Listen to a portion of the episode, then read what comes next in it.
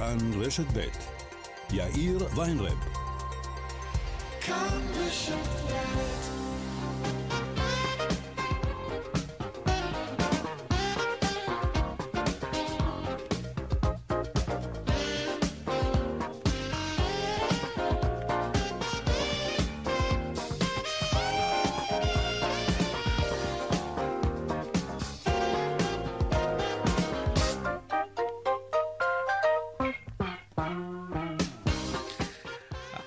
ארבע, קצת אחרי ארבע ועוד אה, ארבע דקות, כאן צבע הכסף ברשת ב' יום רביעי, שלום רב לכם, העורך רונן פולק, בהפקה יעל קטנה שקד, טכנה השידור הוא רומן סורקין, הדועל של צבע הכסף, אתם יודעים, כסף, כרוכית, כאן.org.il, אני יאיר ויינרב, מעכשיו עד חמש אנחנו מיד מתחילים.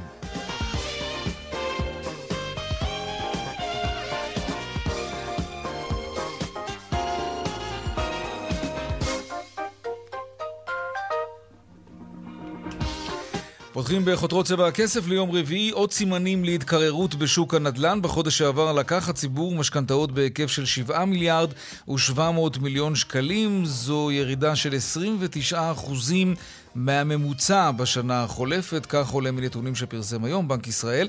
אתמול, אנחנו מזכירים, פרסמה הלשכה המרכזית לסטטיסטיקה על ירידה של 24% במכירת דירות חדשות ברבע השלישי של השנה, לעומת הרבע שקדם לו, ועדיין המחירים לא יורדים. עוד בענף הנדל"ן, ההרשמה להגרלה השלישית במסגרת מה שמכונה דירה בהנחה תיפתח ביום ראשון בשבוע הבא. אה, כך הודיע היום משרד הבינוי והשיכון וגם אה, רשות מקרקעי ישראל. ההגרלה תנהל ביום חמישי, בשלושה בנובמבר. בהגרלה הקרובה יוגרלו 3,300 יחידות דיור ב-11 יישובים ברחבי הארץ, בין היתר בירושלים, באר שבע, לוד, נוף הגליל, אה, אופקים, טבריה, עמנואל, עפולה ועוד, עוד, יש עוד מקומות. עד לסוף השנה יוגרלו כ-9,000 יחידות דיור נוספות. ועוד בהמשך על ההתאוששות של נטפליקס אחרי שני רבעונים חלשים ונטישה המונית של מנויים. כעת מדווחת ענקית הסטרימינג על הצטרפות של כמעט שני מיליון וחצי מנויים חדשים, וזו בשורה של ממש בעבור החברה שהתקשתה מאוד בשוק הזה שהפך לתחרותי מאוד. נדבר גם על זה, ועל הירידה ברכישת הסמארטפונים החדשים. ירידה של 9% זה הרבה. ויש מצב שהחברות הגדולות יצטרכו עכשיו לצמצם מלאים. נדבר גם על זה. ועל אחרי החגים, אה, הבטיחו לנו שאחרי החגים הכל נראה אחרת מבחינת הארנק שלנו. אז למה מחירי הטיסות לא יורדים? למה? ננסה להבין. והדיווח משוקי הכספים כרגיל לקראת סוף השעה, אלה הכותרות כאן צבע הכסף. אנחנו מיד ממשיכים.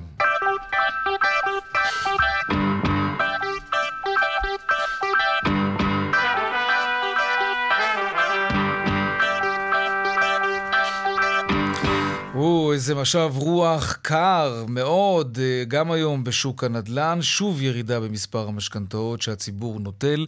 ליאל קייזר, כתבתנו אל הכלכלה ומגישת משחקי הכיס בכאן 11, אהלן וסהלן. אהלן וסהלן, כן? מה קורה? כן, כן, למה טוב, לא? בסדר. 20% מהאוכלוסייה דוברי ערבית. כן. כן. מה נשמע? ספרי לנו מה קורה בשוק הנדל"ן. מתקרר, אה, עוד נתונים על התקררות. כן, כן. נתונים אה, שבנק ישראל מפרסם על אה, היקף לקיחת המשכנתאות בחודש אה, ספטמבר, אתה יודע, מי שקונה דירה, או רבים מרוכשי הדירות לוקחים משכנתה, כן. ואנחנו רואים אה, באמת את השיעור הנמוך ביותר בשנה האחרונה של היקף אה, המשכנתאות שנלקחו.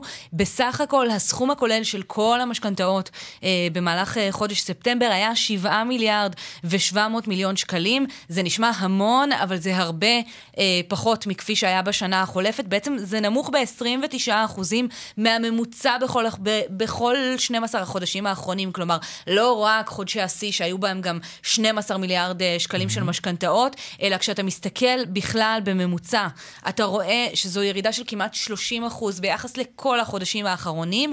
עדיין, יאיר, צריך לשים את זה בפרופורציה. אם אתה מסתכל על ספטמבר השנה ביחס אה, לספטמבר בשנה שעברה, עדיין זה 8% יותר. כלומר, זה לא שהישראלים בכלל לא לוקחים משכנתאות, או שזה איזשהו שפל היסטורי. כן. אתה יודע, מדי פעם כשמתפרסמים נתונים נגיד על רכישת דירות על ידי משקיעים, או דברים מהסוג הזה, אז הכלכלנית הראשית באוצר מדברת על שפל של עשור, או שפל של עשורים, או משהו מהסוג הזה. זה לא האירוע כאן, לקיחת המשכנתאות עדיין גבוהה, אבל עדיין נמוכה משמעותית מכפי שהיה אה, בשנה החולפת, וזה בהחלט אה, יכול להצביע על סוג של מגמה, בטח כשאתה מדבר על הנתונים שראינו, למשל אה, אתמול, על ירידה של כמעט אה, 50% באוגוסט ברכישת דירות חדשות, ועל אה, ירידה של אה, עשרות אחוזים ברכישת הדירות על ידי אה, משקיעים בחודש יולי, אה, אבל, ויש כאן אבל גדול, אתה יודע, כי כשאתה אה, שומע קיפאון והצטננות ונתונים שמצביעים על ירידה ברכישות וכן הלאה וכן הלאה וכן הלאה, היית מצפה לראות גם אה, נתונים שמדברים על ירידה במחירי הדירות. אה, זה לא קורה. עכשיו, הנתון הנמוך הזה של אה, לקיחת המשכנתאות בספטמבר, הוא, חשוב להגיד, עדיין לא בא לידי ביטוי במדד מחירי הדירות. הוא יבוא לידי ביטוי במדד הבא או בזה שאחריו, אחריו כנראה, אה, כן. ועדיין לא עכשיו. ובכל זאת, המדד שהתפרסם בשישי האחרון דיבר על מחירי דירות שקפצו כמעט ב-2 אחוז, אחוז ותשע עשיריות ביולי-אוגוסט.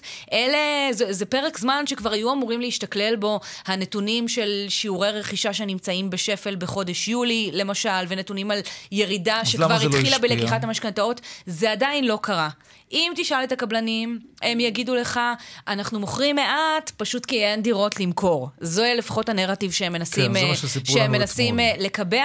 כשאתה מסתכל על הנתונים של הלמ"ס, יש אה, עדיין דירות לא מכורות, והיצע הדירות הלא מכורות גדל. כן. אז... ת, תאמין למי שתאמין, אה, ומהצד השני, אני חושבת שזה בעיקר גם משקף את הפסיכולוגיה של כולנו, שמי ששומע באופן עקבי על נתונים שעולים ועולים ועולים, חושב שהם. ימשיכו לעלות, כן. ולכן מוכן לשלם את המחיר שדורשים ממנו כשהוא או היא נכנסים אה, למשרדי המכירות, ולכן כרגע לפחות, למרות ירידה ברכישות, ולמרות ולמרות ולמרות, עדיין מדד מחירי הדירות אה, משקף, אה, או שיקף לפחות, עלייה במחירים. אה, לך תדע מי, יהיה- מה, מה יהיה במדד שישקף את מה כן. שקרה בספטמבר, בינתיים מאוד יקר. כן, מותח. לא כמו הבחירות, אבל מותח. נראה לי יותר, אתה יודע מה? יש מצב. כי זה החיים עצמם, לא? כן, כן. וגם, אתה יודע, הבחירות זה כבר ממש נהיה הרגל. קנייה של דירה זה משהו שרובנו עושים פעם אחת פעם בחיים בחיים. במקרה הטוב, יותר דרמטי עבורנו. ליאל קייזר, תודה רבה. תודה, יאיר. להתראות. אה, אנחנו עדיין בעניין הזה. שלום שימי אזיאשווילי, חבר הנהלת התאחדות יועצי המשכנתאות. שלום, מה נשמע? בסדר גמור, תראה, המחירים אה, לא יורדים, אה, אבל יש נתונים שאי אפשר להתווכח איתם. פחות ופחות לוקחים משכנתה. אז, אז בעצם מחודש לחודש יש לכם פחות ופחות עבודה, אתם בטח מרגישים את זה. אה, בהחלט, הירידה, הירידה ברכישות, הירידה בביקושים גם אה, ביועצי המשכנתאות היא בהחלט מורגשת.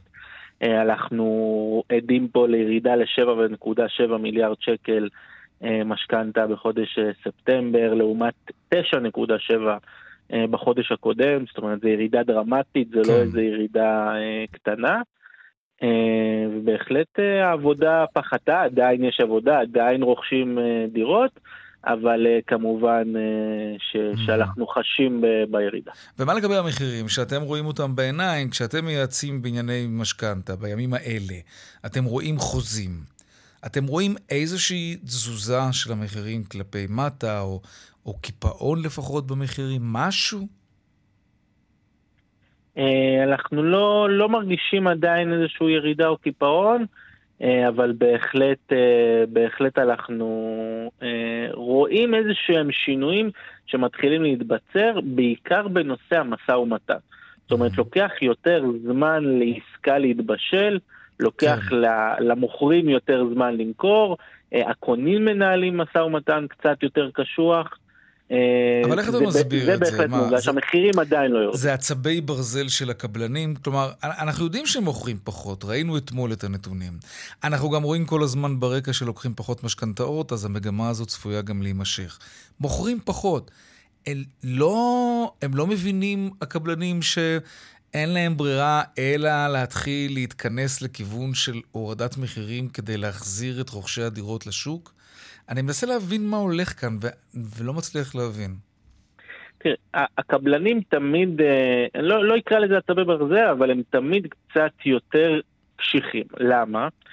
אחד, הם, אה, נקרא לזה, יש להם יכולות כלכליות לפעמים לספוג חודש או חודשיים או שלוש של אי מכירת דירות. שתיים, הרבה פעמים הם אוהבים לתת הטבות במחיר כן, הדירה ולא ירידה. זאת אומרת, הם אוהבים לתת לך מטבח במתנה, מוצרי חשמל במתנה.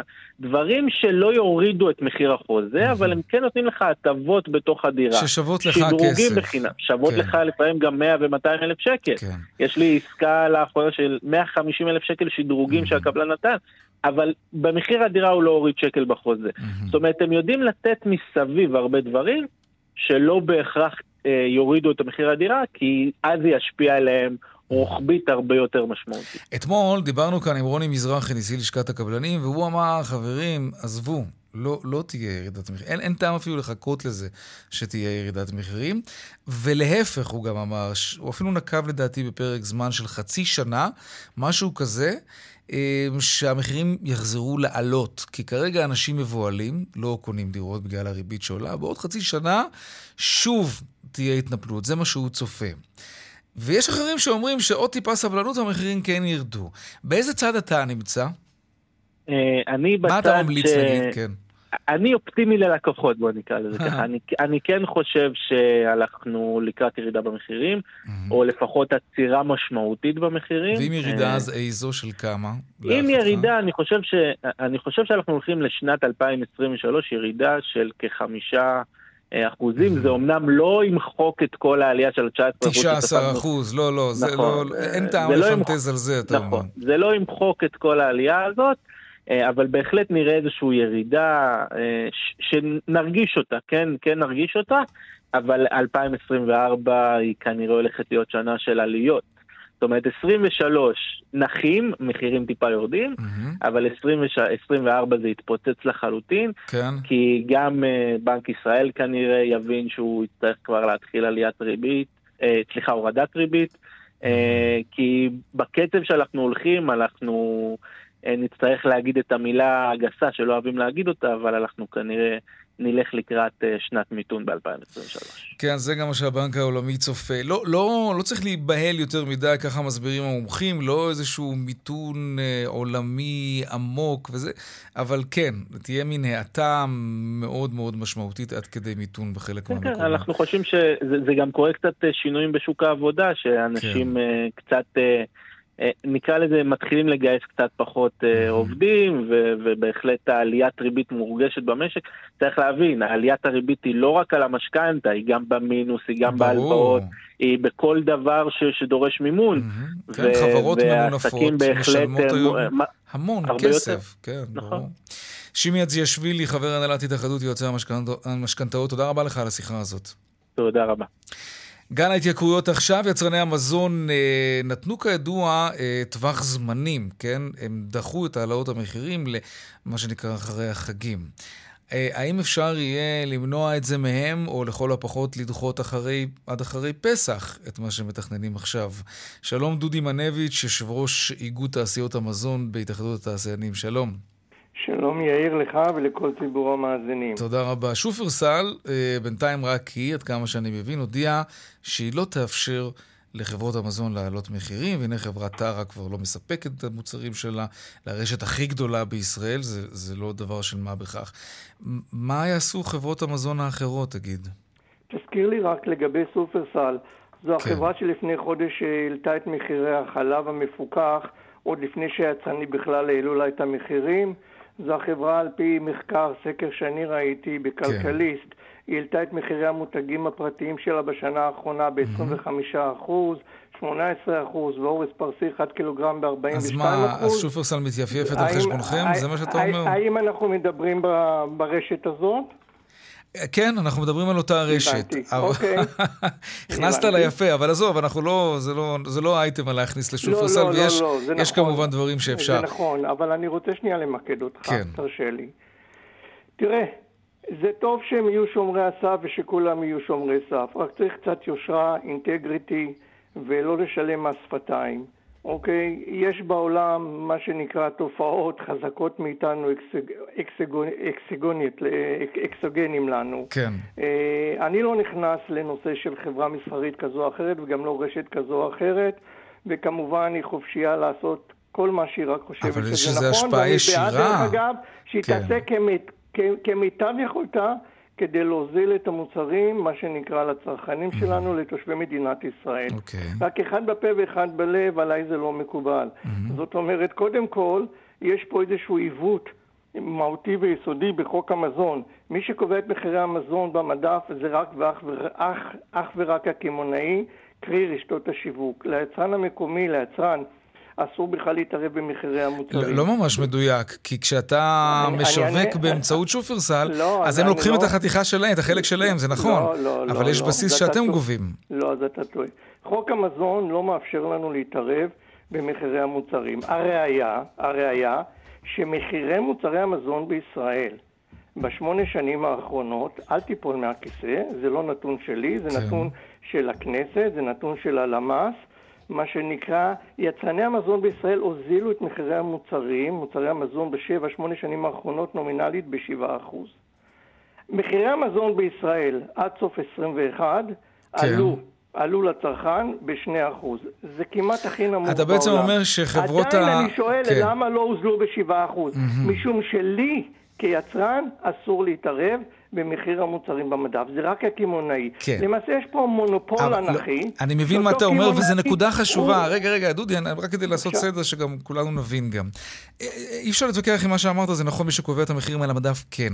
יש אבל איזשהו מחיר בסיס, והוא- וראיה לכך שאתם בעצם באים עכשיו למשווקים, לקמעונאים, ואומרים להם, אנחנו עכשיו רוצים על המוצר הזה ככה וככה, אתם כן מעלים מחירים. יש לכם השפעה, שלא אה, ייווצר איזשהו רושם מהדברים שאמרת, שאתם מביאים את המוצרים שלכם ואומרים להם, תמכרו את זה בכמה שבא לכם. לא, זה, זה לא העניין. גם אתם, יש לכם את החלק שאתם עומדים עליו. בגלל זה גם טרה לא מוכנה עכשיו לספק לשופרסל את המוצרים, כי יש איזשהו מחיר, מחיר בסיסי שהם דורשים על, המחיר, על, על המוצרים שלהם. אז, אז גם לכם יש חלק וגם לקמעונאים יש חלק. אז אה, תרשה לי. זה יותר כי- מסודר עכשיו, אני חושב. יפה. תראה, אני לא יכול להיכנס ליצרן כזה או אחר. א', אני לא מייצג אותו וגם אסור לי. אני אוקיי. כן יכול לדבר ברמת המקרו. ברמת המקרו באנו ואני הסברתי לך שתעשיית המזון בישראל, שהיא מאוד חזקה, היא בשבע, שמונה שנים האחרונות הוזילה את המחירים שלה. ומשום מה הקמעונאים לא גלגלו את זה ההוזלה לציבור. הזאת משום מה היא לא הגיעה, למרות שמחירי המזון לצרכנים בעשור האחרון היו מאוד מהנמוכים, מה שנקרא, כן. ההתייקרות הייתה מהנמוכה, מהנמוכה בעולם. אני מחזיק כאן לפניי נתון, גרף שפורסם לפני מספר ימים על ידי OECD, שהוא השווה את מחירי מוצרי המזון בעולם בקרב 40 מדינות של ה-OECD, כן. יולי-אוגוסט 2022 מול שנה שעברה. שים לב, זה המקום, זה אולי הפעם היחידה שאני גאה שמדינת ישראל מככבת במקום האחד לפני האחרון, 39 מתוך 40. רק, רק כמדינה שווייץ- זולה? מה? כמדינה זולה? לא הבנתי. כמדינה שבה שיעור מחירי המזון כן. עלה ב-4.2, כאשר בממוצע העולמי ב-OECD מדבר- אוקיי, אתה מדבר היה על העלאה. למעלה- אני לא מדבר טורקיה אה, 90 אחוז, בוא כן, נדבר טורקיה, לא, אבל ואני לא דודי, מדבר הונגריה 33 מאה אחוז. אחוז. אז פה- פה העלו פחות. 15 אחוז. העלו כאן זאת- פחות, אבל דודי, כל מי שנוסע אנחנו- לחו"ל ונכנס לפארמה או לסופרמרקט, רואה את הפערים הלא נורמליים האלה בין המוצרים שמוכרים כאן על המדף לבין המוצרים שמוכרים שם על המדף. אז זה יפה שפה המחירים עלו פחות מאשר במקומות אחרים בעולם. אבל בבסיס המחירים כאן גבוהים. כל מי שטס לחו"ל רואה את זה. כל מי שנכנס היום לאינטרנט, לרשתות הקמעונאות הגדולות באירופה, בארצות הברית, רואה שאותנו ממש אה, סוחטים עד הטיפה האחרונה. אתה לא יכול להתכחש לזה. אני חושב שבגלל זה גם יש כעס ציבורי כאן. כי יש פה איזה היגיון מסוים. אם לכם כיצרני מזון עולה יותר לייצר את המזון, הגיוני שאתם תרצו להעלות את המחיר. אה, זה משוואה פשוטה. אבל למה הציבור לא מגלה הבנה לדבר הזה? למה הוא לא אומר, אוקיי, יקר לכם יותר לייצר, אז, אז אין ברירה, תעלו? כי התחושה כאן היא כל הזמן שגונבים אותך. אני יכול להתייחס? עכשיו כן. ואני, על פארמה אני לא יודע, אני פחות מבין, או בכלל לא מבין, אז אני רוצה אוקיי. להתייחס, על מזון אני רוצה להתייחס. יש פה טעות, וטעות גדולה, ותן לי רק להסביר איפה הטעות. הרי אם כאן היינו מוכרים במחירים מאוד מאוד יקרים, היינו צריכים לראות את הרווחיות של החברות המזון בישראל, שהן לפחות גבוהות יותר מאלו בהשוואה עולמית, אוקיי? ואנחנו רואים דבר שהוא ממש מוזר. רווחיות של חברות המזון בישראל הרי יש גם חברות שנסחרות בבורסה, הן נמוכות, אולי מהנמוכות ביותר בהשוואה עולמית. זאת אומרת שאין פה רווחים שהולכים לחברות המזון. יקר לייצר במדינת ישראל, אז זה אני מסכים איתך. אבל בוא שנייה ננתח ונסתכל. בישראל, אם בבריטניה שיעור המע"מ על מוצרי המזון, בטח הבסיסיים, הוא 0% מע"מ, ובישראל הוא 17%, בלי לעשות שום דבר, הכרת את מוצרי המזון ב-17%. אבל תן לי עוד, עוד דבר אחד מאוד מהותי כדי להסביר לך את הפער.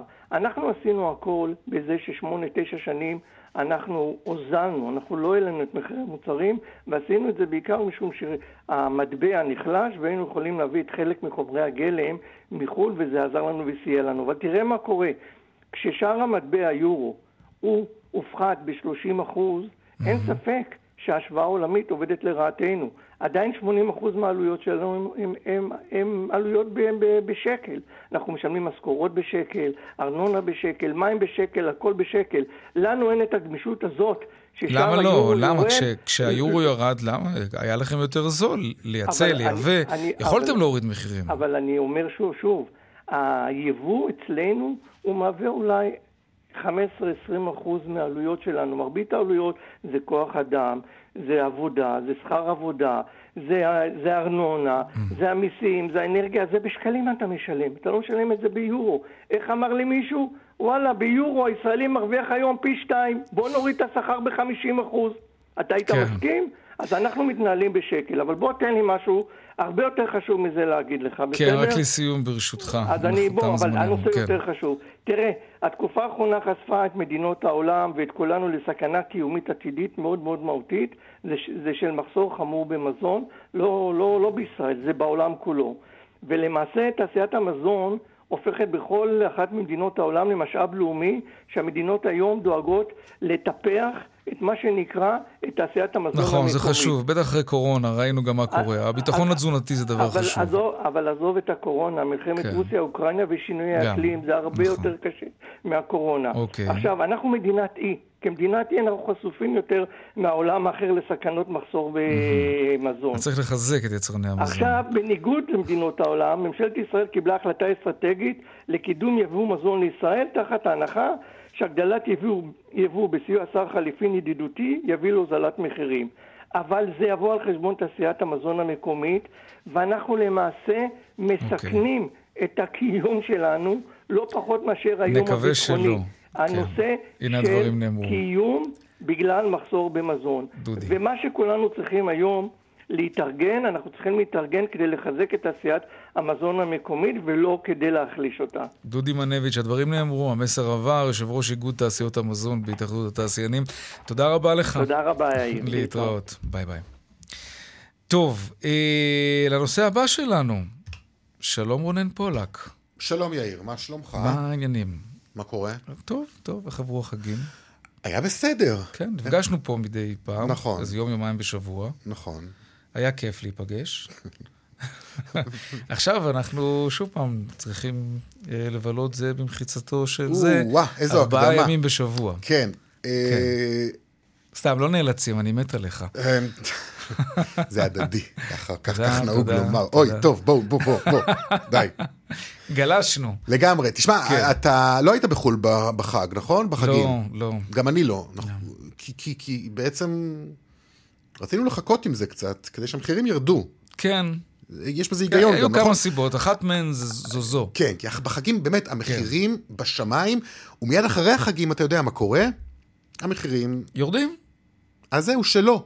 רגע, בעצם אמרו לנו שאחרי החגים המחירים של המזון יעלו. אבל כן, כעיקרון המשוואה היא כן, נכון. שאחרי החגים אנשים פחות באטרף, פחות mm. בלהט. פחות ביקוש. וזה, יש פחות ביקוש, כן. המחירים יורדים, כן, שיעור א' בכלכלה. וצריך כן. לומר שבכל שנה בתקופה הזאת, mm-hmm. אנחנו באמת מקבלים מבול של אה, כל מיני דיבורים, אה, אימיילים, פרסומות. אחרי החגים כבר כאן, בואו, כן. תראו. צמיחה, מחירים כן. ירדו, כסח. בעל הבית השתגע. אף אחד לא השתגע. אף אחד. לא, המחירים פשוט... כולל לא חברות התעופה. לא, לא, לא, המחירים פשוט לא יורדים, זה לא קורה. כל התהליך ההגיוני הזה ש... שאנחנו מצביעים עליו, התהליך הזה לא קורה. כי החגים נגמרו, אנחנו יודעים שהם נגמרו, נכון? אפילו כן. איסורך כבר נגמר, התלמידים נכון. חזרו לבתי הספר, mm-hmm. אבל המחירים לא עודכנו על כך, הם בעצם לא עדכנו על כך. עכשיו, אולי הביקושים לא ירדו. אולי, מה? אנחנו, אולי מה? אולי הביקושים לא ירדו. אולי הישראלים ממשיכים, אתה יודע, בכוח האינרציה, טסים כמו משוגעים, כאילו שזה עיצומו של חג. לא, אבל לא? זה, זה, נכ- יש בזה היגיון שיש אנשים כן. שבאמת רוצים, כן, לטוס אחרי החגים. אבל זה לא בכמויות, אתה זוכר, דיברנו כאן על זה שיאים זה בשבוע לא שעבר. תראה, כן, אני כן. בדקתי, אה, אה, כבר כמה ימים אני בודק אה, כרטיסי טיסה לכל מיני כן. מקומות, יעדים אה, פופולריים, וינה, בודפסט, אה, דובאי, ניו יורק, ברלין. המחירים שהיו בשבוע שעבר בשיא עונת החגים דומים מאוד מאוד תן- למחירים שנקובים עכשיו. כן. כמעט ואין שינוי. מחירים של 400-500 אה, דולר כרגע, למשל, למקומות כמו וינה, אה, בודפשט, אה, דובאי. אלה המחירים, זה מחירים ברמות גבוהות וזה יחסית. דומה מאוד למה שהיה... דומה מאוד, כן. אולי טיפה פחות, אבל בגדול אין כמעט שינוי. עכשיו, למה זה קורה? האמת, שבאמת כן, מטוסים מלאים אין לי בגלל זה. מושג. כן, הם מלאים מן הסתם, אבל זה. גורמים בענף התעופה שאנחנו אה, משוחחים איתם ביממה האחרונה, מודים, זה אכן המצב, יש הרבה פחות מחירי כסח עכשיו, ואם יש ירידת מחירים, הרי שהיא מינורית ביותר, ובשורה התחתונה רמות המחירים כרגע הן גבוהות מאוד ביחס לעונה, ובשלב הזה גם לא נראה שיש סימן באופק לאיזשהו שינוי במחירים. לא, אז זה ממש מאכזב. אה, כלומר, נשארים בארץ. אם חשבנו, אבל אני מתאר לעצמי שגם בארץ, אותו סיפור, לך תזמין עכשיו חדר במלון, אתה יודע מה, בוא, זאת תהיה הבדיקה הבאה שלנו. בואו נבדוק אם מחירי אה, חדרי המלון באזור המרכז, בירושלים, כן, באילת, בצפון, ירידה, יש ירידה. ירידה יש, של אחרי יש, החגים, יש ירידה. או ירידה כזה דרדלה? לא, לא, לא, יש, יש, יש יש, יש ירידה. ירידה, גם, כן, יש ירידה. אמ, אוקיי. סדר גודל, אתה יודע, של... אה, אני לא יודע להגיד לך את זה באחוזים, אבל כן, יש ירידה אה, אפילו יפה. לא יודע, לתחושתי, תמיד עונת היא לא החורף היא ירידה חלשה. יפה. אבל, אבל אני מאמין לך, אם אתה אומר שבדקת. טוב. טוב. אה, אנחנו נמשיך לעקוב אחרי מחירי הטיסות, וברגע שהם יתחילו לרדת, רגע, בוא נתקדם, בוא נשאל את... אתה, אה, אתה, אתה, אתה מבטיח לעדכן. אני פה, כן? איפה אני אלך? שלום זיו רוזן, מנכ"ל קבוצת גוליבר. אהלן יאיר, אהלן רונן. אהלן. אתם יודעים מה צמד המילים הכי פופולרי אצלכם חוץ משלום יאיר ורונן? היצע וביקוש. כן, נכון. רגע, אבל... צריך להגיד אה, היצע, היצע וביקוש. אוקיי, שירות על מגור, לא תכתוב אחר כך. אוקיי, אה, אז אמרנו היצע, אבל יש גם... בחגים הביקוש היה הרבה יותר גבוה, מה זאת אומרת? כן, תראה. המתמטיקה הזאת היא טובה לכל הצדדים. הנתונים שרונן ציין הם נכונים. הירידה השנה במחירי אחרי חגים היא מאוד מינורית, והיא? עוד יותר בולטת? ב- בחריגות שלה לעומת שנים קודמות. זה בגלל הקורונה, אנשים עדיין במין כזה טירוף של לעוף די, מפה. די, נובע תפסיק להאשים את. הקורונה בכל דבר, עזוב את הקורונה. לא, יש זה עכשיו... זה- אני אגיד ממה זה נובע. זה נובע מכמה דברים. קודם כל, באמת הביקושים ממשיכים להיות מאוד גבוהים. אנשים כנראה רעבים לחופשות שלא מימשו במלואם בתקופת הקיץ, וממשיכים ישר לעונת אה, נובמבר והקריסמס, והשנה קריסמס וחנוכה יוצאים ביחד, ויוצא להרבה משפחות יתרון אה, לנסוע לחו"ל, גם ליהנות מחנוכה וגם מקריסמס, ובאמת הביקוש לא יורד, ולכן זה סיבה אחת אה, למה עדיין המחירים לא יורדים בצורה דרמטית. סיבה נוספת, חייבים להגיד את זה, ההיצע הוא גם אה, לא גבוה כמו בעבר. כלומר, חברות התעופה לא חזרו לכמות המטוסים והטיסות היומיות אה, זה כפי העניין. שהיה בעבר. השילוב של שני הדברים ביחד יוצר את זה שכרגע, יכול להיות שזה עוד ישתנה, כי אתם יודעים, זה מאוד מאוד גמיש. אה, כרגע לא למה רואים חברות את הדרמה התעופה הזאת. לא חזרו לאותו היקף פעילות? מה קרה? תראה, זה מתחיל מנושא ציי מטוסים טיפולי. נסגרו? בגלל- הקורונה? זה- זהו, זאת השלכות הקורונה, אבל תשמע, לא רוצה כל? הזמן להאשים את זה, גם זה מגמה שהולכת ונחלשת. כלומר, ההנחה היא שבשנת 23, כבר נחזור למה שהכרנו בעבר, אה, זה קשור, קודם כל שתי חברות מאוד גדולות בישראל שיצאו מישראל זה אירופלוט ויוקריין, כרגע לא רלוונטיות בשל כן. המלחמה. אה, כמות המטוסים, מלאי הטייס, הטייסים, אה, בעיות אופרטיביות שיש בנתב"ג וכולי, זה עוד לא חזר למה שפעם. לכן השילוב של כל הדברים יחד, גם הביטחון, למשל הטיסות למזרח, הם לא בהיקף של מה שהיה בעבר, כי המזרח ממש רק לאחרונה נפתח. אז כל הדבר הזה מביא להיקף מצומצם יותר, היקף מצומצם יותר על ביקוש גבוה, יוצר את זה שאין ירידה דרמטית. אבל אנחנו לא מדמיינים, נכון? יש לך דוגמאות ככה למחירים באמת של אה, טיסות אה, ש- שהורגלנו, אולי כן, שהיו מקובלות לפני שבוע, שבועיים ב- בשיא החגים, ומה המחירים שלהם היום? כן, אז רונן ממש דייק במחירים, אני גם אשווה את זה למה שהכרנו בשנת 2019, בתקופה הזו פוסט מהמם. כן, בעבר. כן, כן, זאת השוואה אה, טובה. למשל, ניקח דוגמה קיצונית, בודפסט אה, בשנת 2019, אחרי חגים, טיסה נמכרה במחיר של 400 דולר, וכעת זה ב-550 דולר. אה, לארבעה לילות. מחירי- אה, מחירי אחרי החגים. כן, אה, כן, אה, כן. זה. עוד לא הירידה הזו. אני, מנגד יש, איסטנבול למשל נשארה אה, זולה או יורדת במחירים. בתומי גם. אבל יש יעדים, רומא למשל, נמכרה ב-380 דולר וכעת ב-480 דולר. כן, האמת היא שעל זה הסתכלתי לפני כמה ימים. כן, הירידה הזו היא לא... לא מה- באופק, תגיד? מה אנחנו יכולים לצפות אה, לקראת המשך כן החורף? החורף הקשה שאנחנו בטח עושים- ירדו. אז מניתוח שאנחנו עושים, קודם כל קורה דבר מעניין. אנחנו Mm. מתחילים לזהות מגמה, אני אומר את זה בזהירות, שאנשים חוזרים להזמין חופשות כפי שהיה בעבר, כלומר לטווח רחוק. לא ראינו את זה עד לפני חודש. אנשים בגלל אי הוודאות. אני חושב שהנושא של הביטחון היה כן. מאוד גבוה, אנשים חששו והביטחון חוזר. אנשים מבינים שהיום להזמין טיסה לקיץ זה הרבה יותר משתלם, כי הסבירות שהמחיר יעלה ויעלה באופן דרמטי, הסבירות היא מאוד גבוהה. ולכן אנחנו רואים, אצלנו יש למשל 15% מההזמנות הם אה, אה, לקיץ. אה, רגע, אבל מה, למה, וזה כבר נכון להזמין לקיץ? אני אגיד לך את האמת, אני הסתכלתי עכשיו על טיסה לניו יורק אה, בספטמבר בשנה הבאה, מחירים של אה, 1,200-1,300 דולר. למה לא להזמין שנה לא מראש? אז לא הנה, הוא הרגע, אתה הוא תמיד- הרגע, אתה בסדר, תמיד אומר שצריך בודק את- להזמין שנה יאיר, מראש. אני בודק את כל האופציות, אוקיי? רציתי גם להיות מכוסה כאן, בסדר? לא, מה, יש לך. בעיה עם לא, זה? לא, אין לי שום בעיה עם לא, זה. נראה שכן. אני מת שתשלם 1,200 דולר על הכרטיס לניו יורק, זאת האמת. כן. כן, לא, אז. ותראה, זה- התשובה היא לא עם סימן קריאה, כמובן שצריך לבדוק את המחיר. ב-1200 דולר זה לא מחיר זול, הוא לא הכי יקר, מניח שלקראת הקיץ עוד המחיר יכול להיות יקר יותר. אבל פה אולי הייתי עוד חושב, אבל אם מצויים טיסה ב-800 דולר, ב-900 דולר, זה כן מחיר טוב, הסבירות שהמחיר הזה יהיה גבוה משמעותית ככל שנתקרב לקיץ, הסבירות היא גבוהה, גבוה. ולכן בהחלט הייתי שוקל להזמין. Mm. מי שעוד בסימני שאלה, אז אולי עם ביטוח ביטול, עם היכולת לבטל את זה. אמרו לי אגב בעבר שזה נכון להזמין אה, מראש, אבל לא יותר מדי זמן מראש. כמה אתה יכול מראש בכלל להזמין? אז אני אומר, בדרך כלל בדרך כלל החברות פותחות את ההזמנות 11 חודשים קדימה, נכון? 11. נכון, נכון. כשנה. אה, תראה, אם הייתי יודע לתת תשובת קסם, כנראה שהייתי... אה, פשוט צריך לעבוד בזה, לשבת שם כל היום על האתרים האלה. ו- אבל אה, אני לתת לבינה אני יכול לעבוד. לדבר על התנהגות הצרכנים, זה לפחות המידע שקיים אלגוריתם. מולי. וההתנהגות הצרכנים, ואתה יודע, חוכמת ההמונים מה שנקרא, כן. אה, ברגע שיש מחירים זולים לקיץ, כי חברות התעופה כל המודל בנוי על זה שזה מתחיל בזול ואז לאט הם צריכים. בוודאי למי שלא יכול להיות ספונטני וחשוב לו התאריך וחשוב לו היעד וחשוב לו בית המלון, נכון. אז אה, בהחלט הייתי שוקל בחיוב, אני רואה גם לפסח לא מעט. זיו רוזן, מנכ"ל קבוצת גוליבר, תודה רבה לך. תודה לכם. ומועדים לשגרה, תודה. רונן פולק, תודה גם לך. תודה, העיניים לך שלך על הטיסות שלי, נכון? לך- כן, כן, כן. לך. תסתכל על כמה דילים, תשלח לי אחר כך אם יש משהו מעניין. דיווחי תנועה בינתיים. טוב, אז ככה, אמ, דרך שש, צפונה, עמוסה, ממחלף נשרים עד בן שמן, ובהמשך ממחלף חורשים עד ניצני עוז, בגלל תאונת דרכים. סעו בזהירות. איילון צפונה עמוסה מלגוארדיה עד ארלוזרוב, ודרומה מארלוזרוב עד לגוארדיה, שני הכיוונים, בקיצור. בגאה דרומה, אה, עומס תנועה ממחלף גאה עד גנות, וצפונה ממחלף השבעה עד מורשה. עדכוני תנועה נוספים בכאן מוקד התנועה, כוכבי 9550 זה הטלמסר שלנו, אבל לא רק שם, גם באתר של כאן וביישומון של כאן, הפסקת פרסומות קצרה, ומיד אנחנו חוזרים עם עוד צבע הכסף. ביי בינתיים. וכאן גם צבע הכסף, 4 ועוד 39 דקות. לא מזמן דיווחנו לכם כאן על הקשיים של נטפליקס, שמאבדת מנויים ועל התחרות המאוד מאוד קשה שנוצרה לה בשנים האחרונות בתחום הזה. אז הנה, נטפליקס עשתה כנראה כמה פעולות מהירות ומוצלחות, כי החברה הודיעה הלילה על עלייה של כמעט 2.5 מיליון מנויים ברבע השלישי של השנה.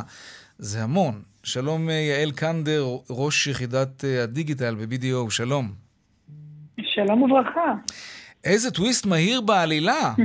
ממש. דיברנו רק אה, לפני חגים. נכון, נכון, כן. נכון. מה מה עשו?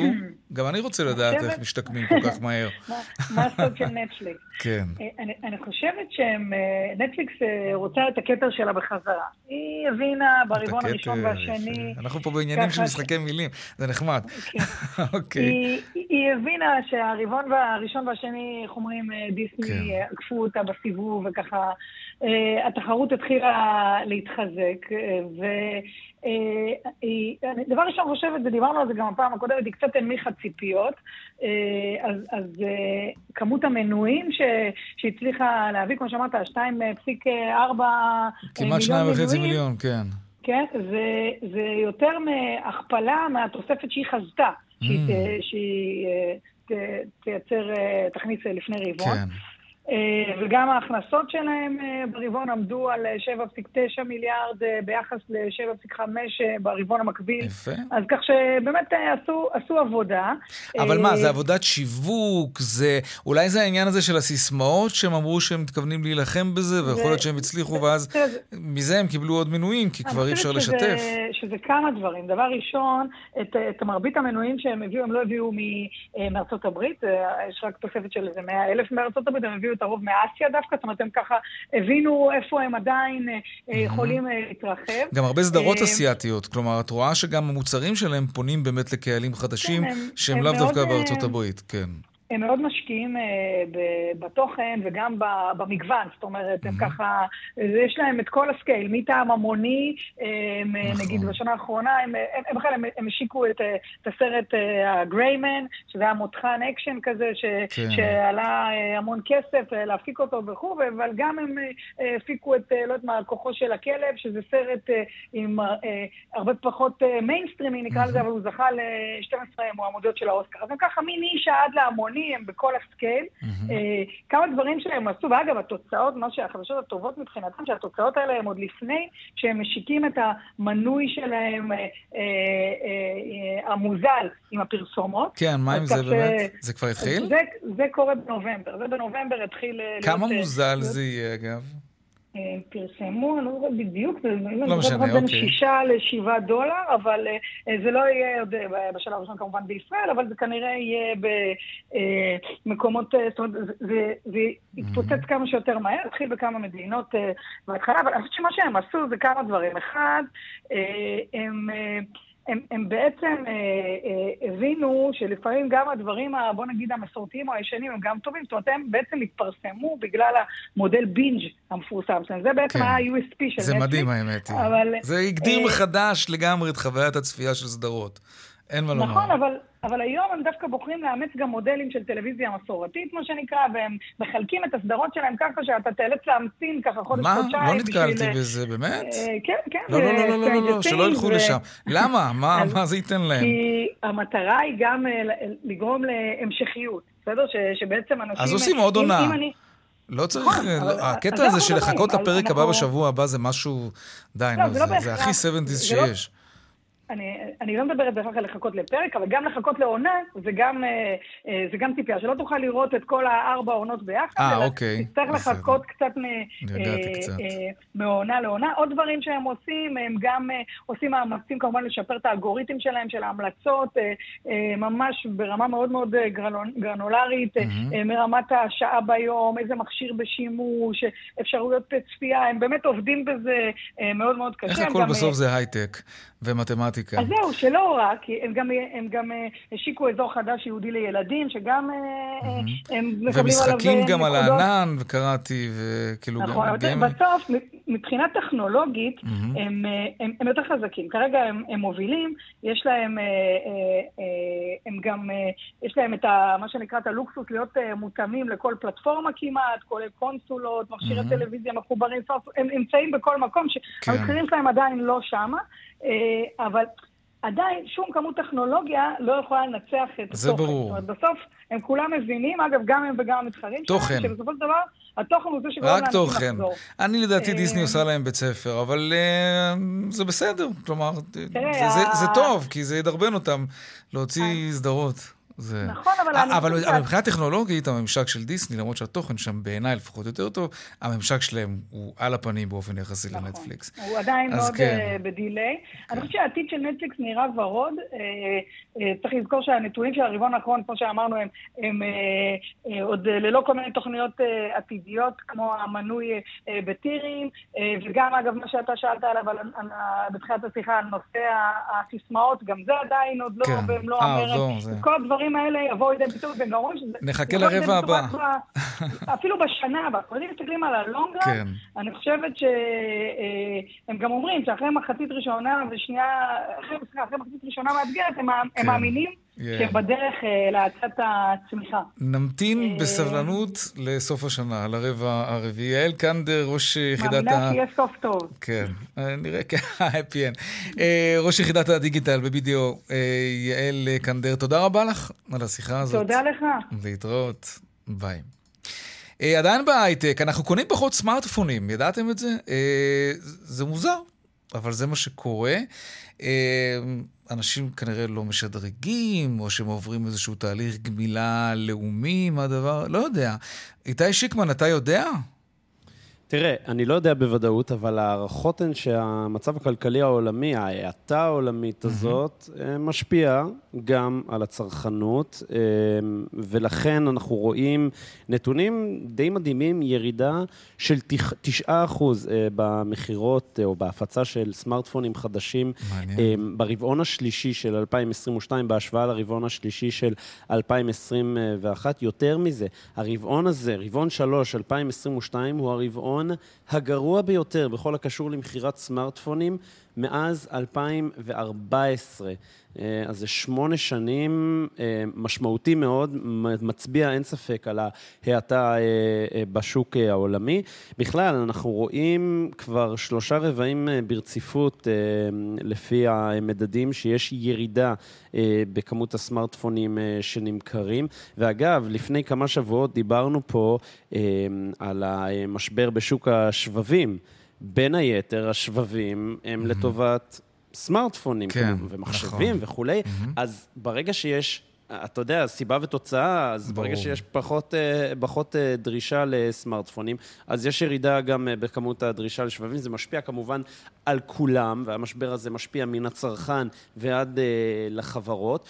ועוד דבר, המשבר הזה מביא גם את חברת אפל, לפי דיווחים, לעצור או לבקש לפחות ממפעל אחד בסין, כך לפי דיווחים בארצות הברית, לעצור את הייצור של אחד מדגמי האייפון 14, אנחנו מדברים על האייפון 14 פלוס, אה, שזה אמור להיות אה, גרסה קצת יותר אה, זולה וגדולה מבחינת הממדים של המכשיר הזה, אז לפי דיווחים, הייצור של המכשיר הזה נעצר, או שיש איזושהי בקשה לקצץ קצת כן? את הכמויות. כן? מה, בגלל הירידה בביקושים? בגלל ירידה בביקושים וספציפית, ואנחנו מדברים על מכשיר שהתחילו לשווק רק בשבועות, ב, ב, בימים האחרונים, אני לא טועה, ממש בתחילת אוקטובר, שבעה באוקטובר, אם אני לא טועה, זה התאריך, וכבר עכשיו אה, אפל מבינים, ואגב, זו לא הפעם הראשונה, לפי דיווחים בבלומברג, אה, אפל אה, שמו לב שיש, שהתחזיות שלהם לכמה מכשירים הם הולכים למכור, היו בעצם תחזיות אופטימיות מדי. בכלל, אנחנו רואים את המשבר, שוב, ואני אומר את זה, המשבר הכלכלי שמשפיע. תראה, אנשים עדיין קונים, כן? האייפון 14 עכשיו שהושק, כן הייתה נהירה לרכוש את המכשירים, את הפרו ומכשירים נוספים, אבל ספציפית, האייפון 14 פלוס, יש איזושהי, אה, אה, לפחות לפי הדיווחים, קריאה של אפל, אה, בקשה להפסיק לייצר בחלקים. כן, ושוב, וזה מתחבר לזה שאנחנו רואים את המספרים, ירידה של 9 אחוזים ברבעון 3 של 2022, וכאמור, כן. ירידה מתמדת מתחילת השנה. מעניין, איתי שיקמן, כתבנו לענייני טכנולוגיה וחינוך, תודה רבה לך. תודה, המשך טוב. ערב טוב, גם לך. קצת דיווחי תנועה.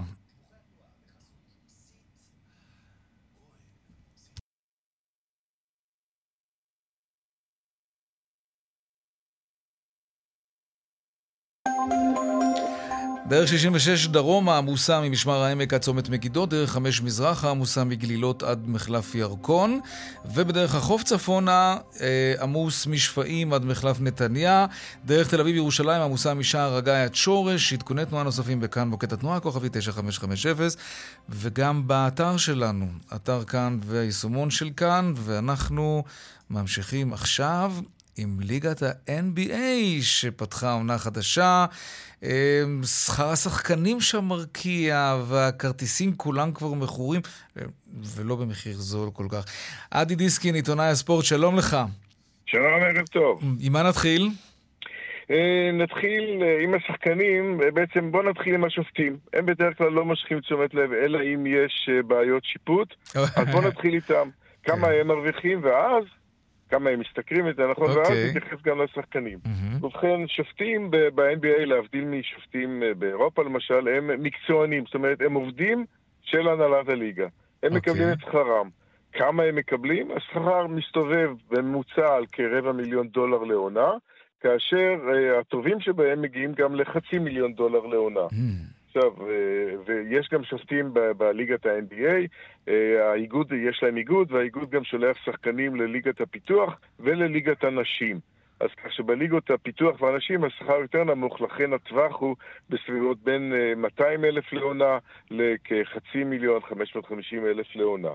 אוקיי. והשחקנים, או, פה השחקנים... עולים ליגה עכשיו במשכורות. עולים ליגה, ולא סתם עולים, קופצים וקופצים הרבה שלבים בסולם. מה כן. הכוונה?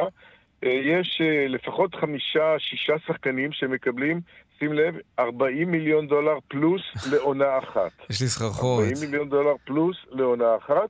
מה עושים שיאן השכר הוא סטף קרי, שחקנה של גולדן סטייט ווריורס, והערב במשחק הבכורה הוא אכן הוכיח שהוא שווה כל סנט. כן, נכון. נדגיש עוד שהשכר שם, בליגת ה-NBA, הוא ברוטו ברוטו. מספרים שאנחנו מדברים בארץ ובאירופה הם תמיד נטו. אז כך שהממוצע, הממוצע לשחקן הוא בערך 4.5 מיליון דולר לעונה. כאשר 90, 93 שחקנים מתוך ה-450 שבליגה כן. מגיעים אפילו בקושי ל-2 מיליון. הלוואי על כל או, אחד מאיתנו 2 מיליון דולר לעונה. אבל הפער, הפער ממש מקומם. בוא נזכיר עוד מילה אחרונה על הנציג הישראלי, דני אבדיה. כן. לפי הפרסומים הרשמיים של הקבוצה שלו, וושינגטון וויזרס, שכרו קצת פחות מחמישה מיליון דולר לעונה. לא רע. מפרגנים מכל הלב. תגיד, אז עם הוצאות שכר כאלה, לא פלא שזכויות השידור, נדמה לי, זה, זה עניין של מיליארדים, נכון? וגם הכרטיסים לא זולים. אה, כרטיסים, כן, כשמשפחה הולכת, בוא נאמר אה, אבא עם שני ילדים, שלושה איש, כן. זה יכול בקלות לעבור את ה-500 דולר למשחק. וואו. בקלות. מכיוון שיש גם לקנות חולצה, ויש גם לקנות שקניקייה, וגם אולי גם גלידה, ועוד איזה דברים, אה, מיני תרגימה מהסוג הזה, כך שהסך הכל בהחלט גבוה, אבל בואו ננסה להשיג כרטיסים, זה לא כל כך פשוט. קודם כל נצליח, אתה אומר, אחר כך נשלם. טוב, אה, קיבלנו אה, סקירה כלכלית קצת מנקרת עיניים, אבל בהחלט חשובה. אדי דיסקין, עיתונאי ספורט, תודה רבה לך. ערב טוב. להתראות. עכשיו לעדכון משוקי הכספים, נכון? כן.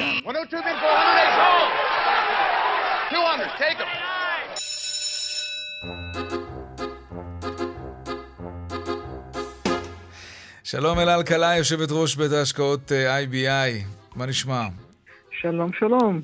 Uh, הבורסה באופן כללי הייתה שלילית, מלבד מדד הבנקים שעלה ב-0.76%, וממשיך לשקף את הציפייה להמשך עלייה מתונה בריבית.